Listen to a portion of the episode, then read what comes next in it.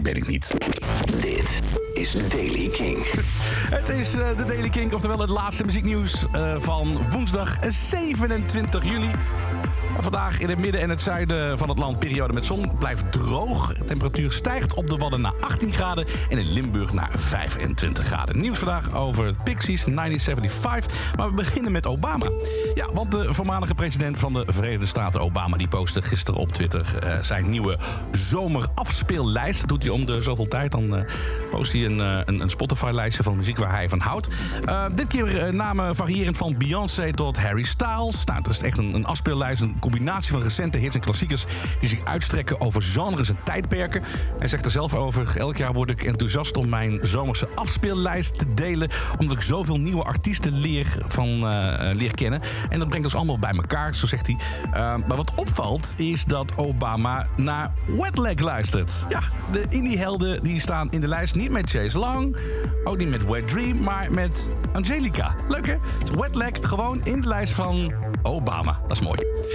Pixies frontman Black Francis, die, eh, Francis Black die maakt zich eh, extreem veel zorgen over de huidige stand van zaken in de wereld. Zo vertelt hij in een interview aan eh, NME.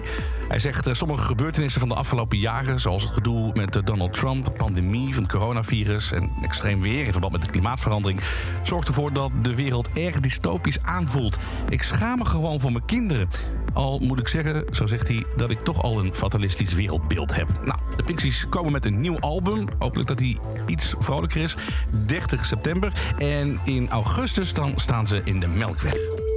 En de 1975 brengt een nieuwe single uit, die heet Happiness. En deze keer doen ze dat op een beetje een ouderwetse, of in ieder geval traditionele manier. Uh, fans zagen namelijk afgelopen week in Londen zwart-witte reclameborden van de band... met de titel van het nummer en de uh, release datum 3 augustus. En Happiness wordt dan de tweede single van het aanstaande album van de 1975. Being funny in a foreign language. En tot zover de Daily King van vandaag. Iedere dag bij binnen een paar minuten met het laatste muzieknieuws. Wil je niets missen? Abonneer je dan op deze podcast in je favoriete podcast-app. En luister iedere maandag tot en met donderdag naar de avondshow van Kink Kink in Touch tussen 7 en 10 met Jasper Leidens voor het laatste muzieknieuws. Elke dag het laatste muzieknieuws en de belangrijkste releases in de Daily King.